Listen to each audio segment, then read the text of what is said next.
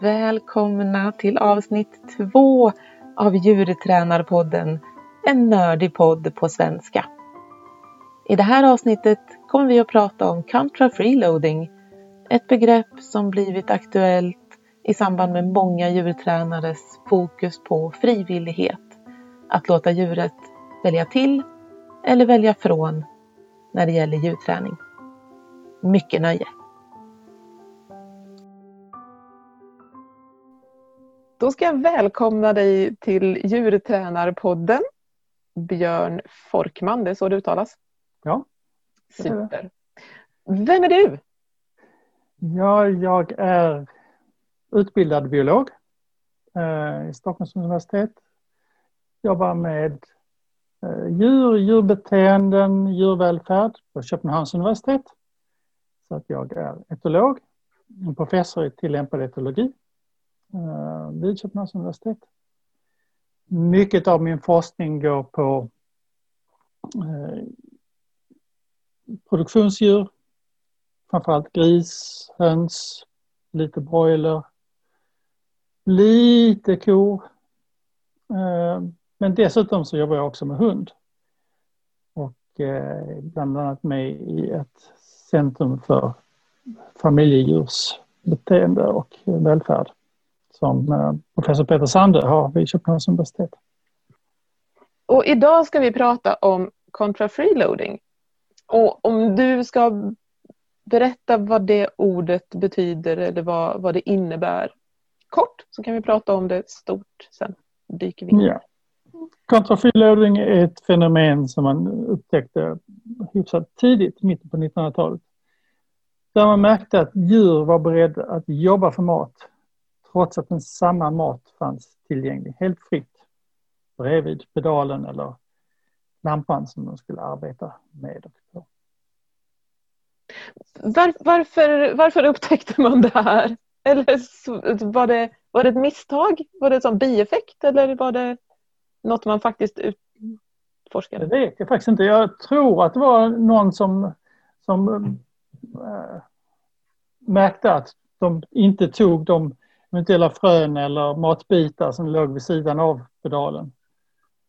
Och så sa man, ja men det här är intressant, det måste vi titta närmare på. Och så, och så gjorde man det? Ja, för att jag har sett, eh, det gav mig lite material här i förväg och det är väldigt mycket referenser till forskning som är gjord på 70-talet bland annat. Ja.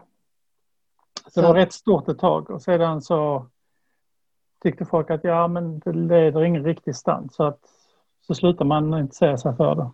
Bland annat på grund av den förklaringsmodell man hade till, till varför det hände. Man menade att okej, okay, om det är så att jag tränar ett djur tillräckligt mycket så kommer djuret att uppfatta arbetet som en del av belöningen. Det blir en sån här sekundär förstärkare.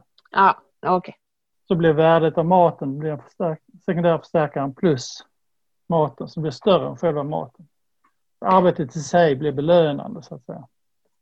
Vad, vad tror man nu då? Vad är det som har gjort att det har förändrats? Det beror vem du lyssnar på. idag lyssnar vi på dig. ja, idag lyssnar jag på mig. Eh, och jag tror att det har med informationsinsamling att göra. Att det som i själva verket händer det är att eh, djur behöver hålla koll på olika ställen där man kan hitta mat. Eh, och därför så, så eh, provar de olika saker. Nu här är det viktigt att skilja på två olika förklaringsnivåer. Så att det finns en ultimat förklaringsnivå som är en förklaringsnivå i termer av eh, individens eh, evolutionära historia och eh, individens eh, funktion, evolutionära funktionen med beteendet. Finns det en proximat nivå som har att göra med eh, mekanismer, alltså beteendets mekanismer egentligen och utveckling. Och den funktionella, funktionella förklaringen till uh, tycker jag är, är, är, rätt så klar alltså egentligen. Att, att det har med, med det här med söka alternativ mat att göra. Det är liksom dumt att bara ha ett sätt att få tag på mat på och även ifall det innebär att man just nu um, har ett lätt sätt och ett lite svårare sätt så håller man båda beteendena vid liv genom att uh, söka på många olika sätt. För en vacker dag så kan det finnas mer mat på det ställe som idag ger mindre mat.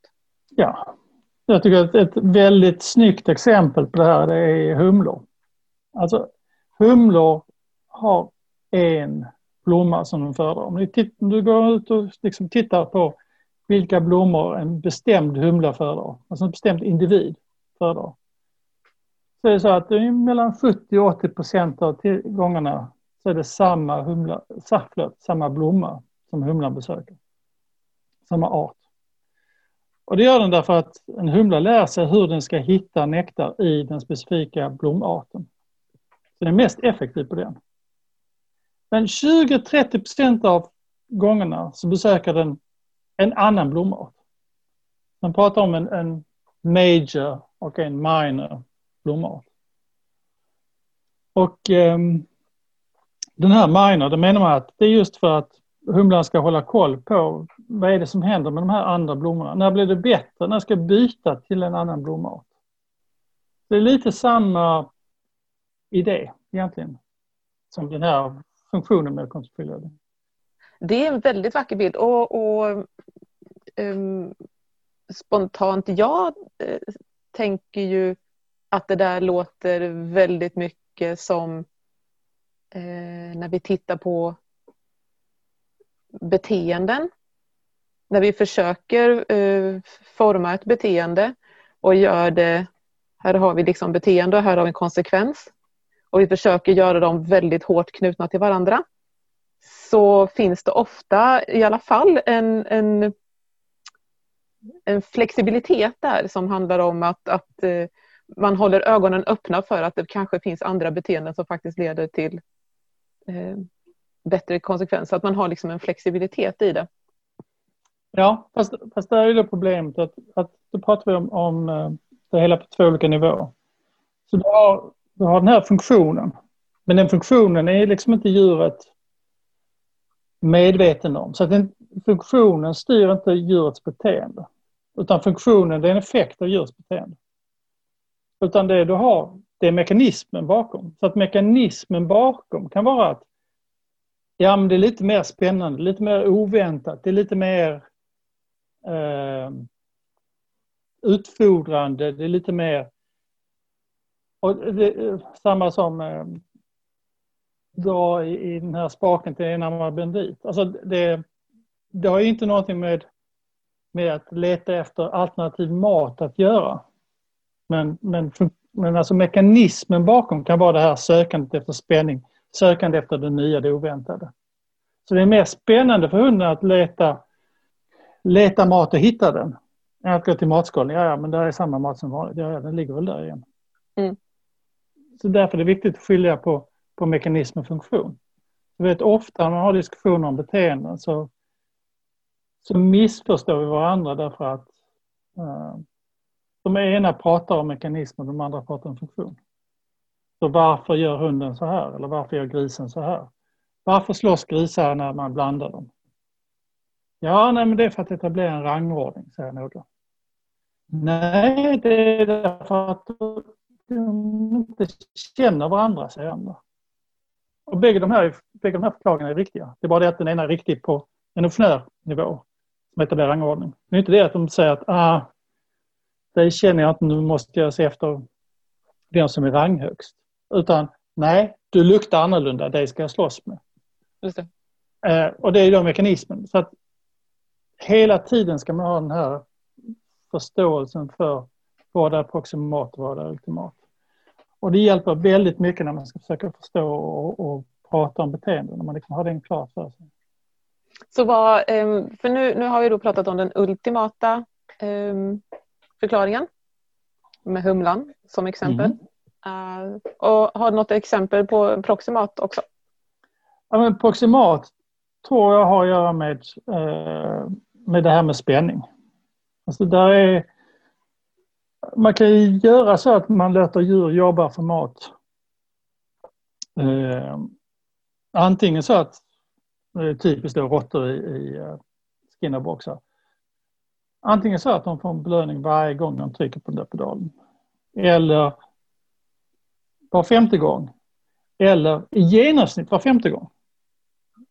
Så om man har en sån här variable ratio schedule som den sista är ett exempel på. Så um, finner man att där kommer de att ta en större proportion av sin mat. Förlåt, de kommer jobba mer för större proportion av sin mat. Jämfört med om du har en fixed ratio på, på ett då. Och det tyder ju på att det är någonting i den här osäkerheten, det är någonting i den här eh, spänningen som gör att, att djuren föredrar det. Mm. Det är min tolkning av det i alla fall. Jag tycker eh, jag känner mig väldigt eh, känner mig väldigt duktig här när jag eh, också använde ordet spännande när jag hörde att du också använde ordet spännande för, för det engelska ordet uncertainty. Uncertainty är osäkerhet egentligen. Ja, men precis. Men, men det finns det här spänningsmomentet i, det får inte vara för spännande för då, då, då törs jag inte eller då är det inte värt det. Liksom. Och det var, får inte vara för lite spännande för då är det tråkigt. Så det måste vara precis lagom spännande. Då ja. eh, är det absolut värt att gå ehm, eh, contra freeloading istället för eh, gratismaten. Det finns faktiskt ett fenomen som påminner om det här. Och det är något som heter kognitiv dissonans. Och alltså för människor så säger man att ja, men kognitiv dissonans det är när dina handlingar inte överensstämmer med eh, det, det, du, du tycker att du borde göra. Det uppstår en kognitiv dissonans. Men, eh, då ska man fråga sig, okay, vad har det med kontrafilövning att göra? Jo, om det är så att du um, köper någonting, du köper en ny telefon. Om du betalar mycket för den telefonen så kommer du tycka att den är mer värd än om du har köpt en billig telefon. Den, den måste vara bättre. Inte därför att den är det utan därför att du har betalat mer för den. Så enda sättet att förstå varför du betalat mer för den är att du inbillar dig att den är bättre. Nu finns det två studier på, på djur där man gjort det här. Som har låtit djur jobba väldigt mycket för en typ av mat och väldigt lite för en annan typ av mat. Och sen låter man dem välja med de här två typerna, de bägge är tillgängliga. Då säger man, okej, okay, vilken av de här vill du ha? Vill du ha den dyra maten eller den billiga maten? Och då vill djur ha den dyra maten. Och det påminner lite om kontrafilodling. Alltså det är lite samma idé. Jag tycker själv det där är väldigt spännande därför att den förklaring man har till kognitiv dissonans, det är ju väldigt högflygande på något sätt. Liksom man pratar om det här människans vilja att se sig själv som rationell och så vidare. Det är väldigt svårt att tro att starar gärna vill se sig själv som rationell. Alltså det, det eller råttor för den sakens skull. Alltså det, det, det, verkar mycket märkligt. Så att, eh, jag tror att det är en annan förklaring till det där. Lite osäkert vad det är egentligen men, men eh, jag tycker själv att det är ett spännande fenomen. Det går vidare. Eh, liksom. är, är det här någon forskning som pågår just nu? Det var nog en tio år sedan någon jobbade med kognitiv dissonans hos djur. Någonting åt det hållet. Det är en kille som heter Alex Kaselnik i Storbritannien. Vad spännande! Och han har då en förklaring till det där som jag inte själv tror på. Men det... det är det ofta. Um, åter till eh, contra freeloading. Um, det jag sitter och tittar på, um, det var någon text om att sannolikheten för att djuret ska välja att äta mat som man arbetar för istället för mat som man får gratis. Eh, I viss utsträckning handlar det om hur djuret naturligt eh, skaffar sig mat. Hänger det ihop? Eller har jag missuppfattat något? Det har... De första försöken gjordes som sagt i skinnerboxar och antingen med råttor eller med duvor. Ehm, och det är klart att det här med att manipulera saker och ting kan för en råtta vara naturligt födosöksbeteende. Precis som att picka på, på lampa är naturligt födosöksbeteende för, för en duva. Um, i, i omvänd, alltså överförd betydning. Um, så, så långt så, så håller jag med dig, men, men det, är inte, det är inte bestämt artspecifikt. Alltså det är inte så att det bara är precis den metod som arten använder för att mm, isbjörnar, alltså ta ett exempel med isbjörnar. Um, en av användningarna av, av kontrafreeloading, där man använt kontrafreeloading, är som miljöberikning till i zoologiska trädgårdar. Och där ger man isbjörnar fisk eller grönsaker infrysta i isblock. Och att tugga på de här isblocken, det är inget naturligt födosöksbeteende för en, för en isbjörn. Mm. Alltså det är inte ligga vid vaken och vänta på att sälen kommer. Men det är ändå någonting som, som de gärna gör. Just det. Biter i isblocket. Alltså. Hellre göra det än, än, än gratisfisken. Eh. Djur jobbar för mat om det är så att de inte är väldigt hungriga. Det är också någonting som talar för att kontrafreeloading är någonting man, man gör lite vid sidan av så att säga. Just det. Så att de typiska experimenten inom eh, optimal foraging, alltså hur djur söker sin föda. Ehm, testade alltid djur som var väldigt hungriga. Och då stämde det väldigt överens med de modeller man har för, för hur djur ska maximera sitt intag och så vidare. Men så fort de började bli lite mätta så, ja, så slutade de maximera sitt intag, eller intagshastighet. Och då avbröt man försöken helt enkelt. För då stämde det med modellen. Mm. Och det är då som jag tror att man fick, man ser kontrafyllering. Just det.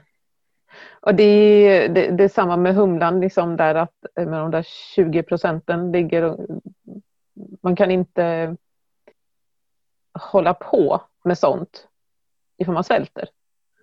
Nej, ju mer, alltså, ju mer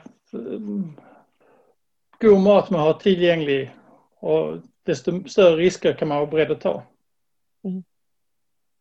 Finns, det, finns det någon koppling till, ja herregud hur ska man ta reda på det här?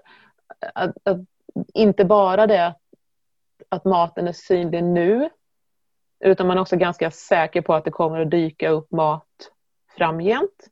Eller är det direkt kopplat till hunger av idag, hunger nu? Man har inte gjort några sådana studier. Eh, så vitt jag vet. Det skulle vara det här på humlor då, men det, där kan jag inte litteraturen. Nej, för det, det, det, det, tänker jag att man tänker liksom att, att ifall det är stor risk för svält imorgon så verkar det vara eh, pantat att inte moffa i sig så mycket man kan idag. Liksom. Ja, samtidigt kan vi säga att om det är så att du har en varierande eh, födotillgång så, så är det ännu viktigare att du håller reda på vad det är som händer. Just det, det måste, då, måste, då blir det minst lika viktigt att, att, att, att veta var de olika möjligheterna att få mat finns. Ja, så att egentligen så de enda försöken som jag känner till som är gjorda på det där, det är på småfåglar. Och där är det så att om du är en liten fågel så kan du avgöra om du, om du um, kommer att överleva en vinternatt eller inte baserat på din fettdepå när mörkret faller. Ja. Så att, ja.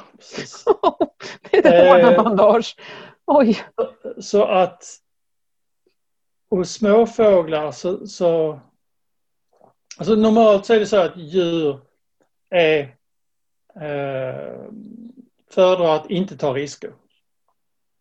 Så låter du hungriga djur välja mellan någonting som ger en säker belöning eller någonting som ger antingen en, en liten säker eller en stor säker så föredrar de den säkra belöningen. Just. Men de här småfåglarna, om det är så att deras fettdepå ligger under det de skulle kunna tillgodogöra sig genom den säkra födokällan så väljer de den osäkra. Ja. Du kommer ändå tar chansen. Tar Ja. chansen. Okej, jag fick jackpot så jag kommer klara mig. Ja. Och där är några få studier på, på eh, småfåglar och en på näbbmöss på det där. Wow. Ehm, därför kräver ju att du är väldigt duktig på att förutse att nu kommer jag klara mig. Eller nej, nu kommer jag inte klara mig. Och de flesta, för de flesta djur så fungerar det inte så. Ehm, du pratar om berikning på zoo. Ja. Där man... Eh, ja, alltså är det contra freeloading de använder sig av? Ligger det liksom gratisfisk och infrusen fisk? Eller är det no free lunch? Alltså, när man använder det som berikning så, nej, jag ska säga så här att de, de flesta artiklar, nya artiklar på contra freeloading eh, är på just som berikning i, i zoologiska trädgårdar och så vidare. Eh, och i de flesta fall så, så är de inte upplagda som contra freeloading studier. Utan det man gör det är helt enkelt att man, man ger dem godbitar som de ska jobba för. Och så kallar man det för contra freeloading och det kan man ju diskutera, är det verkligen det liksom en, en strikt mening? Det är ju inte, är inte så att de har samma mat fritt tillgänglig samtidigt. Inte nödvändigtvis i alla fall. Eller Så- ens annan mat? Eller? De kan ha annan mat tillgänglig. Ja, okej. Mhm, Så att de, de jobbar för lyx så att säga. Just det. Men, men jag menar det är verkligen en lek med ord. Ja. Det, det som görs i zoologiska trädgårdar det är inte till för forskningen, inte den här delen. Utan det är till för att stimulera djuren. Så sagt att okej, det är faktiskt så att vi kan få djur att, att jobba för någonting som, som inte är skadligt för dem men som de verkar tycka är, är trevligt. Det är precis den sista delmeningen där som jag tycker gör det här så intressant. Och det är ju verkar tycka det är trevligt. Mm. Ehm, för om man hade haft precis samma mat tillgänglig, då hade du gissningsvis vetat om de hade föredragit gratiskäket eller berikningen. Liksom. Eller ifall det faktiskt är så här att ja, nej, men vill du ha det där snasket, ja, då får du jobba för det. Mm. Och, och jag, jag tänker att om man är ute efter att veta om, om en berikning är, vad ska jag säga, uppskattad på riktigt. Fast det är problemet, okej men vad är din definition för, på berikning då? Nej men jag, jag, jag vet inte. Alltså en definition på berikning som några använder det är att det ökar frekvensen av artspecifika beteenden. Funktionella artspecifika beteenden. Mm. Eh, och då spelar inte det egentligen någon roll om djuren föredrar eh, den ena eller andra typen. Alltså får du mer av beteendet så har du berikat djurets miljö. Alldeles oavsett vad djuret egentligen föredrar. Men, men så här, artspecifika beteenden är ju också att fly för sitt liv. Eller? Ja, det är det. Och jag, jag tänker att väldigt få zoo skulle ha det som berikning även ifall ja, artspecifika beteendet, eh, liksom massor med artspecifikt beteende, vi slänger in ett rovdjur i, Ja. i, i, i fågelflocken. Liksom. Ja, Så någonstans så tänker jag att man gör en, en, en, en bedömning över vilka artspecifika beteenden som man tycker eh, som djuren verkar vilja göra. ja. Det är det som liksom den nya svenska djurskyddslagen som tycker jag har tittat lite på Dans- Danmark. Alltså i Danmark är det man ska låta djur utföra beteenden som de är starkt motiverade för att utföra. Ehm, och där, där är det precis det här med att du ehm, inte inkluderar eh, infanticid hos lejon till exempel. Alltså, eller som du säger att man släpper in ett, en tiger till, till flamingorna för att se om de, om de flyr och så vidare. Nej. Men alltså att, att uh, låta ett djur jobba på ett artspecifikt sätt ska man säga är en berikning. Även om de uh, även om de skulle föredra att få maten eller vad det nu är direkt. serverat. Lättillgängligt. Och, och jag tänker att någonstans där så finns det liksom en, en zon kanske. Där man har liksom så här, det här typiskt eh, berikning som vi liksom tänker att, att djuret uppskattar och att, att det är artspecifikt och de är starkt motiverade att göra det. Allting är fina fisken. Och sen så har vi liksom kanske någonting som är gränsfall. Eller finns det någon gråzon där, där man skulle vilja utröna svaret innan man satt igång med det? Ja, det kan ju vara det att du får att du kan få några andra konsekvenser som, som inte du har förutsett. Alltså att, eh, att du, du ger djuret mat på ett sådant sätt att du skadar tänderna eller du skadar eh, klorna, tassarna eller det leder till stereotypier eller annat. Det kan man ju tänka sig. Just det. Eller att, att olika individer får, får i sig olika mycket. Att det är någon som monopoliserar resurserna på ett sätt som de kan göra därför att vi håller djur i fångenskap men de inte skulle kunna göra det under naturliga förhållanden. För att få tag på den här jättesmaskiga maten så måste du utsätta dig för en, för en mild, mild smärta som jag, kan, alltså som jag inte vet om att, att, att mitt djur utsätter sig för. Uh, men som över tid kommer att generera, inte vet jag, brutna klor eller ja. alltså, nerslitna tänder eller något som inte skulle skett ifall jag inte hade presenterat den här berikningen på det här sättet. Uh, och om de hade fått berikningen i en contra freeloading situation så hade de kanske sagt att ja, alltså vet du vad. Uh, ja, fast problemet där är att, att djur inte, inte tänker framåt. Just det, alltså, det måste göra lite ont nu. Liksom. Ja, precis. Alltså, ja. Djur, det är inte så att djur liksom inser, i de flesta fall inser konsekvenserna av sina handlingar med sina beteenden. Nej, nej, jag bara, jag bara menar att, att smärtan eller obehaget som uppstår är så pass litet så att man ändå, så att man ändå liksom fortsätter att jobba för det. Men om man hade ja. fått det gratis så hade det lilla obehaget faktiskt varit sånt att man liksom hade föredragit gratiskäket ifall det hade stått vid sidan om. Ja, kanske. Kanske. Eller så har man eh, djur som vi har avlat för att vara galningar och då kan de ju liksom Ja, eller att djur är galningar, precis som människor är. Jag menar, vi har ju massa beteenden som vi gör trots att det är, det är skadligt. Inte sant? Trots att det gör ont. Sant. Att, sant, sant. Vi kan göra väldigt mycket för att uppnå spänning till exempel. Ja, till exempel. eller bara ge sig ut och springa. Det räcker bra. som exempel. Det som jag ser inom hästvärlden till exempel, när, när man pratar contra freeloading då, och använder det begreppet i alla fall, eh, så är det när man tränar sin häst i hagen med då tillgång till gräs. Och de sitter inte fast. Så att eh, eh, de kan när som helst välja att ja, antingen bara sträcka sig ner mot marken och äta gräs eller gå sin väg och äta gräs. Ofta ofta så är det ju så att det man serverar som belöning för beteenden som man tränar är då pellets eller morötter eller någonting. Så att det är ju inte ett på ett. Liksom. Nej, precis. Det är ju eh, ur det perspektivet inte liksom en, en klockren kontra freeloading. Man, Nej. man har inte en likvärdighet mellan alternativen helt enkelt. Nej, och då tycker jag kanske att, att man missbrukar begreppet. Alltså det är lite, det är lite samma som, som uh, de här zoologiska trädgårdarna. Alltså, det är så att, att om du serverar en högkvalit ett högkvalitativt foder så går ju djuret efter det. Jag menar om du serverar eh, koncentrat till kor.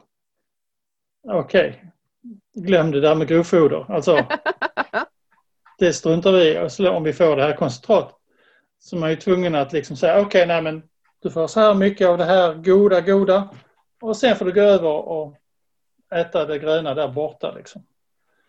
Um, och det är ju inte kontrafilövning. Alltså de, de, de, skulle inte välja en dålig sort. Um, och inte, I varje fall inte särskilt mycket av det. Ska säga. Om man inte vill använda ordet contra freeloading när det inte är contra freeloading. Vad, vad skulle man då säga att det vi håller på med är för något. Vad håller ni på med då? Ja, men som med hästexemplet, vi ger djuret ett alternativ. Det finns liksom inte ett sätt att få tag på... Jo, det finns bara ett sätt att få tag på morötter. Det går, går fram till dig. Ja, men precis. Men du, du kan få tag på mat på mer än ett sätt. Ja, ja, men... Eller du kan få tag på någonting som du vill ha i en given situation på, på mer än ett sätt. Vilket ju i alla fall när det gäller djurträning så är det väldigt ovanligt att vi gör så. Men du kan inte få tag på, djur, på någonting du vill ha. Du, alltså, det viktiga, alltså förstärkningens storlek beror på alltså, värdet av förstärkningen. Och, och det, det är liksom, det är det du jobbar med precis hela tiden. Hunden springer efter kaninen. Du säger kom. Om du kommer får en godbit. Okej. Okay. Kaninen har ett värde, godbiten har ett värde. Vi hoppas på att godbiten betyder mer än kaninen. Alltså det är ju hela tiden två värden som står mot varandra. Och bägge två är ju saker och ting som hunden gärna vill. Den vill gärna ha en godbit. Den vill gärna springa efter kaninen. Så att det är ju, det är, där ser jag inte riktigt skillnaden mellan den situationen och du har en häst på, på gräs och du säger att okej, okay, om du gör som jag säger får du en, en morot. Gör du inte som jag säger så, så får du äta gräs. Istället för att säga att gör du som jag säger så får du en godbit. Gör du inte som jag säger så kan du jaga kaninen. Alltså, för mig är det samma situation. Det är mer närliggande exempel i så fall om du säger att ja, nej, men jag har en hund som inte vill äta. Nähä, vad ska jag göra? Ja, men en möjlighet är att ta pellets och slänga ut på, på gräsmattan. Och hunden börjar leta efter mat på gräsmattan och, och hittar de här pellets och börjar äta de här pellets. Då, det är ju inte counterfreeloading därför att samma mat är inte samtidigt fritt tillgängligt. Men, men du har testat att ge den mat fritt tillgängligt. Det vill den inte ha. Men när den får jobba för det så tar den maten. Så, så där är det lite där är det samma, det är samma resurs presenterad på två olika sätt. Och då väljer hunden att, för, eller hunden föredrar att det är ett alternativ där den jobbar för det. Så att där tycker jag att det svarar mot den här kontrafylledningssituationen. Eller det är samma mekanism i alla fall. Min eh, hund eh, är ju sån att om jag tar matskålen, tar hälften av matskålens innehåll och hiver ute på gräsmattan och ställer matskålen på gräsmattan så kommer han att äta maten som ligger på gräsmattan. Precis. Eh, och, Klassisk eh, kontrafylledning där har vi en, en, en 100% contra. Och ja. eh, eventuellt så kommer han sen att äta maten som är i matskålen. Ja. Eh, och sen kommer han att kissa i matskålen. Men det kan vi prata om en annan gång. det är något annat. Yes. Ja, det, det, är, det, är, en annan del av beteendet. Men eh, oavsett vilket lite äckligt när en annan ska ta hand om eh, matskålen när man ska ta in den. Eh, så det som man också pratar om ehm, när man då använder det här ordet contra freeloading så är det i situationer där, där djuret utsätts eller tränas i situationer som kan vara läskiga. Eh, hanteringssituationer till exempel. Eh, Borsta tänder, klippa klor, eh, blodprovstagning, eh, den sorten. Och eh, där finns det en människa som heter Chirag Patel som jag tror faktiskt att hans utgåva är ren contra freeloading. Det godiset som man använder eh, för att träna hunden med eh, på plats A mm. finns också på en pausplats på plats B dit hunden kan gå när den vill. Och den enda skillnaden är att, att på det ena stället så tränar du med en människa och på det andra stället så finns det en filt som du kan ligga på. Den kallas för bucket game ifall du vill kolla upp det. Eh, jag tror att det är i princip bara Chirac Patel som faktiskt kör contra freeloading. Eh, många andra har, men som vi har pratat om tidigare, liksom en, en också trevlig sak. Tuggben eller någonting annat trevligt där borta. Liksom. Men de har liksom ja. inte två deciliter godis. Ja. eller ens fyra bitar godis. Liksom, för att eh, väldigt många hundar skulle bara gå dit och äta det, tänker jag. Så det är väldigt få som vågar utsätta sig för situationen att i en träningssituation ha en contra freeloading. Um, ett upplägg som innebär contra freeloading på riktigt. Liksom. Mm. Hur gärna vill du träna med mig? Och det är här någonstans vi börjar um, prata om contra freeloading. Det är så här, hur gärna vill du faktiskt träna med mig? För det är ju det som är kvar. På sätt och vis så påminner det om, om uh, idén med de här kognitiv dissonans försöken. Alltså att du får jobba för maten och det, då är den mer värd än, än den mat du får gratis. Och där är, um, nu blir det här, kan det här bli väldigt nördigt. Mm, hör det på. Ja. Eh, det är någonting som kallas för kontrasteffekt. Och kontrasteffekt, är två olika sorters kontrasteffekt. Det är en, en um, successiv kontrasteffekt och där är en eh, simultan kontrasteffekt. Och kontrasteffekten bygger på att värdet av en resurs påverkas dels av värdet av andra resurser och dels av värdet av din förväntan, så att säga. Av, av det du hoppas på att få. Så att de som använder den här jackpot i, i klickerträning och säger att ja men då blir hunden extra, extra stark och det blir extra effekt och då blir det därför att hunden förväntade sig en liten belöning men fick en stor belöning. Det är inte den stora belöningen utan det är det faktum att den förväntade sig en liten belöning men fick en stor som gör skillnaden så att säga. Och då är en möjlighet att när du har en men, i en, i en, en simultan kontrasteffekt så är det du upplever samtidigt som, som påverkar. Så att om du, hör att du, har, och du har det riktigt dåligt så får en liten belöning en stor betydelse. Så att om du har ett riktigt dåligt liv och du får en liten chokladbit så Jippi, det här är verkligen wow! Den här chokladbiten betyder allt. Om det däremot är så att du har ett riktigt gott lyxliv så betyder en liten chokladbit ingenting. Om det är så att du utsätts för obehag så skulle i så fall en belöning kunna komma till att betyda, om man tror på den mekanismen, så skulle en belöning kunna komma till att betyda mer än om det är så att du har en, liksom en situation som är behaglig. Alltid lugnt och fridfullt och du njuter av livet och du får en liten chokladbit. Ja, okej. Okay. En liten frolic. Okej. Okay. Det, det, det, är fint men det spelar inte så stor roll. Livet är skit, allting är dåligt, jag en frolic. Ja, äntligen någonting positivt. Alltså som du märker så går de här förklaringarna lite grann in i varandra. De här fenomenen liksom överlappar. Och det, det är olika förklaringsmodeller för de olika eh, fenomenen. Därför att de som studerat fenomenen har väldigt sällan eh, pratats vid.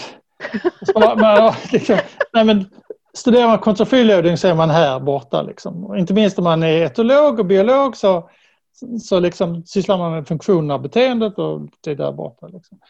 Om man jobbar med, med råttor och duvor, så här, men incentive value, det, det är liksom det incentive value, det, det, den här kontrasteffekten och så vidare. Det är det, det som betyder någonting det här borta. Och om det är så att man jobbar med djurvälfärd, så att ja, men det här minns inte value, det betyder egentligen bara någonting om det är så att, att djuren har det som ett sätt, ett metod, ett verktyg för att se om djuren har det bra eller dåligt. Um, för det används faktiskt på det viset, eller det är de som föreslår att det ska användas på det viset. Att man, att man helt enkelt går till grisarna och så ger man dem en liten godbit. Blir de jätteglada av godbiten så har de haft ett dåligt liv. Blir de inte så glada av godbiten så har de haft ett bra liv. Jag läste i eh, den där studien om reared. Animals reared under sensory deprivation explore more when faced with novel stimuli than do animals reared under sensory enriched conditions. Att, att djur som reared är väl uppfödda då? Eller som, ja. ja precis. Så djur uppfödda i, i en miljö som har varit fattig på sensory, alltså ja, miljöberikning helt enkelt. Ja men alltså, precis. Sinnesintryck. Ja, den, den har varit, eh, man brukar kalla för fattig. Stimulusfattig. Stimulifattig miljö. Just det. Um, undersöker mer när de träffar på ett, ett nytt stimuli än djur som har fötts upp under eller i en miljö som har varit full av stimuli. Och att de, det var också kontra till contra freeloading, de höll på mer eller längre More contra freeloading, ja men precis. Så jag tänker att det är i samma härad som du nyss pratade om, just det här att, att om man har... Om jag ska spekulera helt vilt. Ja, vi var nördiga nyss, nu spekulerar vi. Ja.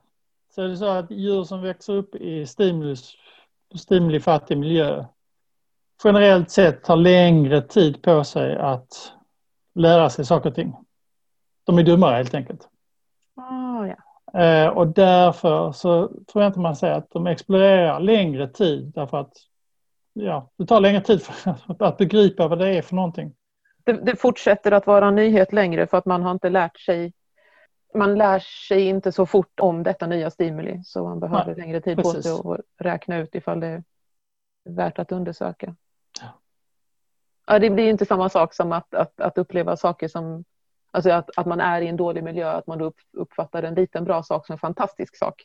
Nej, inte riktigt. Nej, det bara slog mig att det, här, att det var på den dåliga sidan helt enkelt. Vi har inte gått igenom alla tre varianterna som påverkar contra freeloading sannolikheten. Vi har gått igenom spänning och vi har gått igenom hur hungrig man är. Och sen är det en sak kvar. Och det är hur jobbigt det är att jobba för maten. Och vid något givet tillfälle så är det för jobbigt att jobba för maten. Då går man över till gratismaten. Ja. När jag satt och läste det här så, så pratar man också om hur jobbigt det är att få tag på gratismaten. Ja. För att man i vissa, i vissa forskningsupplägg eh, så hade man faktiskt gjort så att gratismaten var lite svår att få tag på. Utan att tänka på det. Det var liksom inte eh, med meningen utan det var mer som en, en bieffekt att den var serverad i ett rör eller på en skål eller som låg en bit upp. Djuret fick klättra för att få tag på gratismaten. Mm, vilket gör att den inte är gratis längre. Finns det någonting inom, inom jobbighetsfrågan för contra freeloading? Um, när man säger att man arbetar för maten så är det inte bara liksom att det handlar inte bara om att man tränar med sitt djur eller att du får den gratis utan det kan ju vara vad som helst. Att man jobbar för maten eller får den gratis. Mm. Det måste ju inte vara att jag tränar och modifierar beteenden som det är det ena och nej, nej, gratis mat utan det kan verkligen vara, det behöver inte finnas en människa i närheten. Det är inte, det är inte människan som är faktorn i contra freeloading utan det är om maten är gratis eller om du får jobba för maten. Ja. Finns det någonting där man ser att olika typer av jobb, eh, att man bedömer olika typer av jobb som olika jobbiga? Så inte på en skala liksom, utan olika klasser av jobb? Liksom. Ja, det, jag har faktiskt publicerat en artikel på det. Eh, eh, och där, men det är så att i den så är det jobb som är det är ingenting som djuren är tränade till utan någonting som djuren gör själva. Och där kontrasterar jag fyra olika typer av jobb. Och två av de typerna av jobb, där är det möjligt att omedelbart fastlägga var, hur stor den här resursen är. Den här alternativa födoresursen är. Och i två fall så är det inte det. Och det visar att när det inte är möjligt att, att bestämma hur stor resursen är, då har du kvar det här spänningsmomentet. Och då jobbar djuren. Om det är möjligt att bedöma hur, hur um, stor resursen är, då jobbar inte djuren för den fria maten. Jag förlåt, för den här maten, utan tar den fria maten istället. Vilka, vilka djur har du, har du tittat på, på det här? Ökenmöss, karviler. Hur, hur ser det ut när de väljer? Till exempel väljer jag mellan eh, frön som är fastlimmade på en stång så att säga. Eller frön som är utspridda på ett, eh, ett stor blomkru, blomkrukebotten helt enkelt. De är fastlimmade eller eh, där är fastlimmade skal och sedan är fröna utspridda där. Så att det är svårt att hitta, se de där fröna, hur många där är när de letar efter fröna där så tar de och föredrar det framför att äta de fritt tillgängliga fröna. Och när de ska bita av fröna från den här pinnen, det vill de inte. Om man ger dem skalade frön så föredrar de skalade frön framför oskalade frön. Jobbet med skala det är liksom inte, nej, Just det. varför ska jag göra det? Just det. Men där, förlåt, men det skulle jag ju säga att väldigt många skulle se som en berikning. Ja, Men skulle det höja djurets välfärd att skala frön när man inte vill? I förhållande till någon annan berikning som de kanske... Att leta efter skalade frön. sa du att du hade pratat med en etiker? Nej, jag har inte pratat med dem än. Okej. Problemet med djurvälfärd är att det finns olika sätt att se på djurvälfärd. Man är liksom bara mycket grovt och snabbt sådär. Absolut. Någon som har betytt väldigt mycket för definitionen och hur man ser på djurvälfärd idag det är någon som heter David Fraser från Kanada. Och det här är egentligen inte hans tankar utan det är tankar som kommer ifrån mänsklig etik så att säga. Han menar att man kan se på djurvälfärd som en kombination av tre olika saker. Det är dels naturlighet. Ju mer naturligt ett beteende är, ju mer naturlig omgivningarna är, desto högre djurvälfärd har, har djuret. Den andra är någon slags biologisk funktion. Det vill säga ju, mer, ju mindre sjukt djuret är, ju bättre det växer, ju mer det äter, desto bättre djurvälfärd har det. Och det tredje är djurets mentala tillstånd. Det vill säga hur lyckligt är djuret? Eller hur mycket lider det?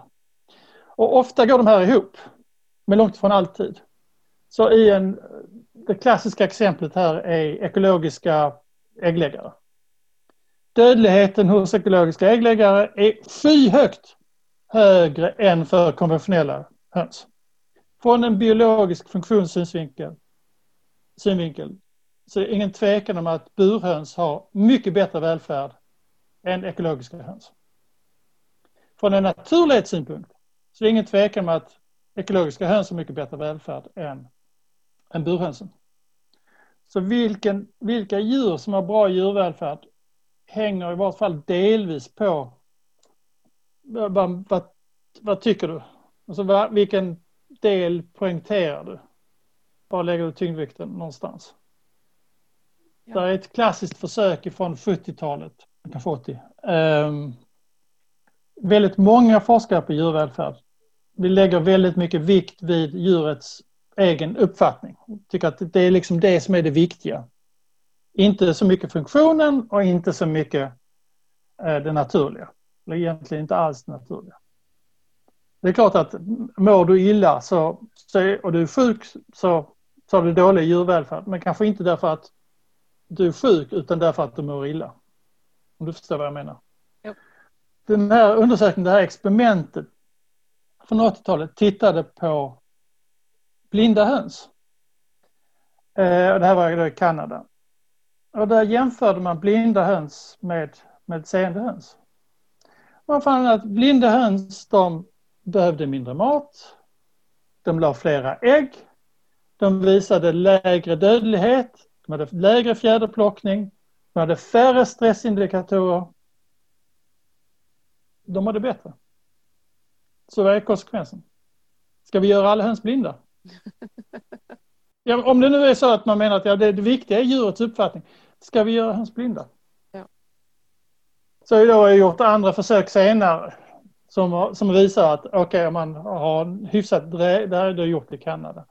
Om man har hyfsat drägliga sätt att hålla höns så är faktiskt binderhöns mer stressade än, sändehöns. Men man ska vara medveten om de här man ska kalla för utmaningarna när det gäller djurvälfärd.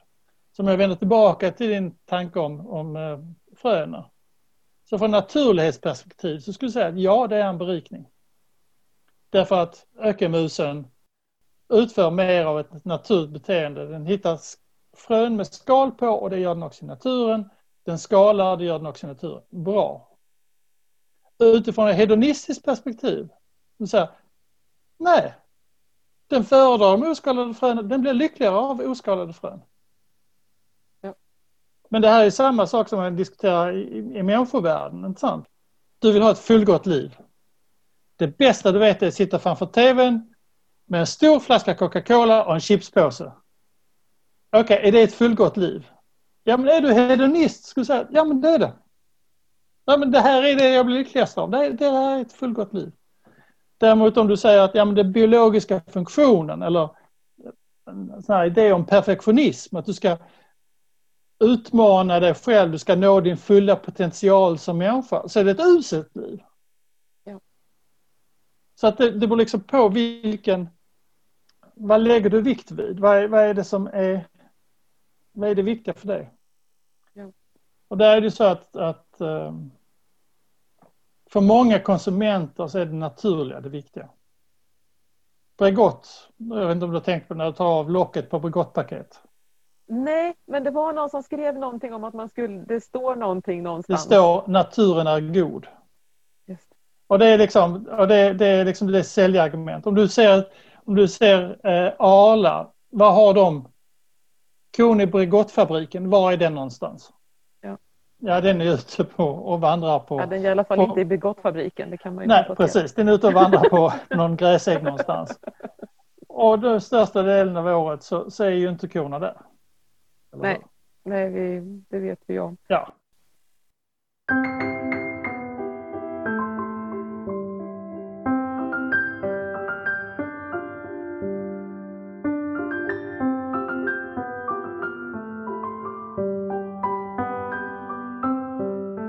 Är det någonting som du har funderat på sen vi mejlades vid som du kände så här här vill jag bibringa världen, varför vet inte hela världen det här? med ett projekt ihop med uh, Linda Keeling vid SLU. Mm -hmm. Var vi försöker identifiera indikatorer på positiv djurvälfärd. Oho. Hos kor.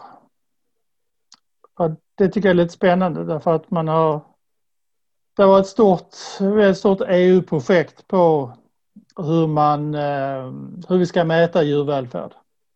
Som heter Welfare Quality. Eh, och ehm, det slutade för rätt många år sedan.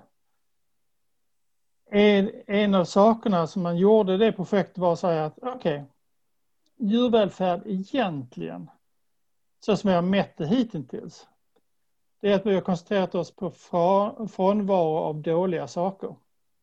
Så frånvaro av smärta, frånvaro av lidande, frånvaro av hunger, frånvaro av törst och så vidare.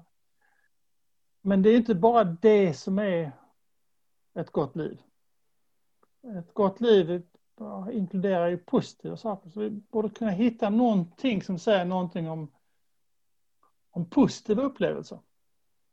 Så att när vi formulerade gjorde de här protokollen till värdering av djurvälfärd så försökte vi inkludera mått på positiv djurvälfärd. Vi försökte hitta det. Men det har visat sig vara fruktansvärt svårt. Ja. Nästan till hopplöst. Det finns några kandidater som lek till exempel. Men problemet är att det är framförallt unga djur som leker. Och hos några djur så är det osäkert om de överhuvudtaget leker. Alltså, om vi tittar på kycklingar så har de ett beteende som några skulle kalla för lek men andra säger att nej men det är inte lek, det är någonting annat. Om du tittar på spädgrisar så är deras, i varje fall deras sociala lek väldigt svår att skilja från slagsmål. Man pratar till och med om låtsasslagsmål. När det går över till att vara ett riktigt slagsmål är det väldigt svårt att bestämma sig. Och vuxna suggor, de leker inte egentligen. Och vuxna kor gör det knappt heller. Så att det, det har varit på gång och letat efter bra indikatorer utan att egentligen hitta någonting. Men sagt, nu är det ett forskningsprojekt på gång som vi hoppas kunna identifiera lyckliga kor.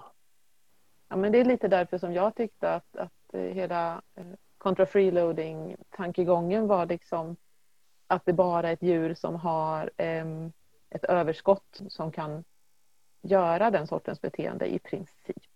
Mm. Uh, så så det, min ingång till kontra freeloading var någon slags djurvälfärdstanke. Mm. Mm. Och sedan så har vi ett projekt på en... Um, vi försöker jämföra djurvälfärden i olika uh, europeiska länder. Oho! Och uh, det är inte helt lätt. Hur, hur är djurvälfärden i Sverige jämfört med Danmark? Och vad är då djurvälfärd ur, ur det perspektivet? Vad bestämmer djurvälfärden? Jo, det är lagstiftningen och så är det välfärdsmärke. Änglamark eller vad du nu vill. Just. Och proportion av djur som produceras av det ena slaget och andra slaget. Och proportion av djur som, som importeras av det ena och andra slaget. Så har vi gått igenom djurvälfärdsmärken i sju europeiska länder och lagstiftningen i sju europeiska länder och sagt okej, okay, de här reglerna, vad betyder de egentligen? Om du skulle sätta ett betyg på, alltså vad är välfärden hos en slaktkyckling med, som går med 36 kilo per kvadratmeter jämfört med en som går med 42 kilo per kvadratmeter. Och därefter så går man in och säger att okej, okay, men hur många slaktkycklingar i Sverige produceras med 36 kilo och hur många slaktkycklingar i Danmark går med 42 kilo och hur många av de danska slaktkycklingarna importeras till Sverige. Och därefter så, så viktar man då de här i förhållande till varandra. Så kan man titta på djurvälfärden för det ena landet och andra landet. När, eh, när ser man resultatet på den? För gris så är det faktiskt publicerat redan. Och för slaktkycklingar så har vi en preliminär rapport men vi gör om en del av det därför att vi vill fokusera på... Alltså det, det är en diskussion hela tiden om vad är, vad är bäst. Det är två möjliga vägar framåt för att, för att eh, förbättra djurvälfärd. Lagstiftning eller det som är väldigt populärt idag, marknadsdriven djurvälfärd. Och frågan är vad ger det här för resultat? Fungerar marknadsdriven djurvälfärd? Är konsumenter beredda att betala mer för den här djurvälfärden? Och det är det vi vill, vi vill, lite av de resultaten har vi redan på gris, men vi framförallt fokuserar på det när det gäller eh, slaktkycklingar, med broilers.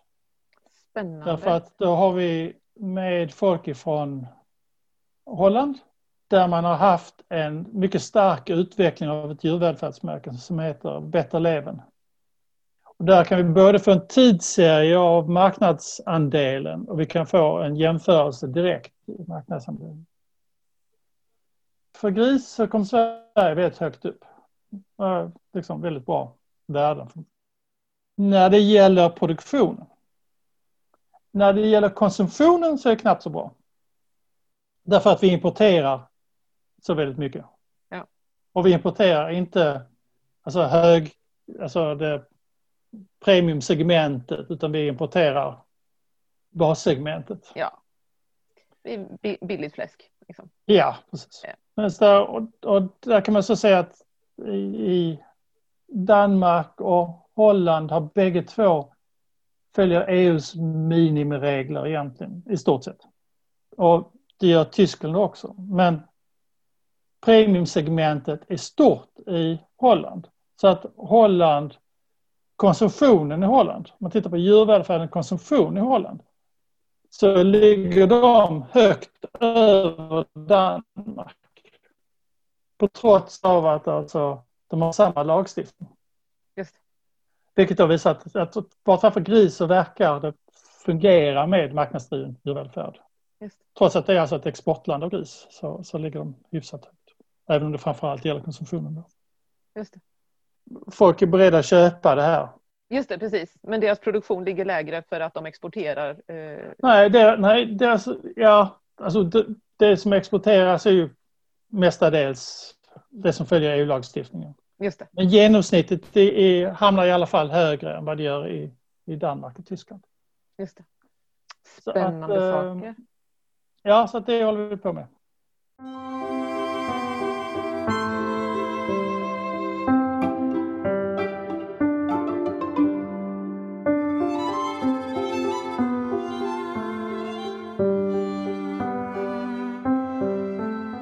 Tusen, tusen tack för att du tog dig tid att prata med mig. Det har varit vansinnigt intressant och spännande och utmanande. Jag tror att eh, eh många av dem som använder sig av ordet contra freeloading kommer kanske att behöva fundera över hur man använder ordet och hur man eh, förhåller sig till eh. Så eh, om inte annat så har vi förhöjt kunskapsnivån på det svenskspråkiga nördfolket ett hack. Vilket ju är en bra, bra grej att fixa på en måndagkväll i alla fall. Tack för det. Tack för att du bjöd in mig.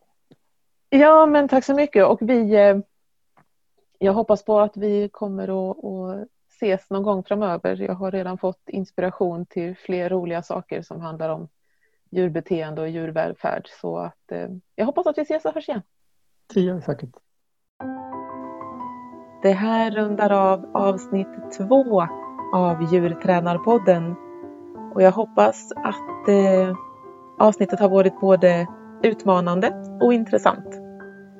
Har ni tips om någon människa jag borde prata med eller något ämne jag borde prata om så gå in på Djurtränarpoddens Facebookgrupp eller Facebook-sidan och skriv en kommentar. Vi hörs snart igen.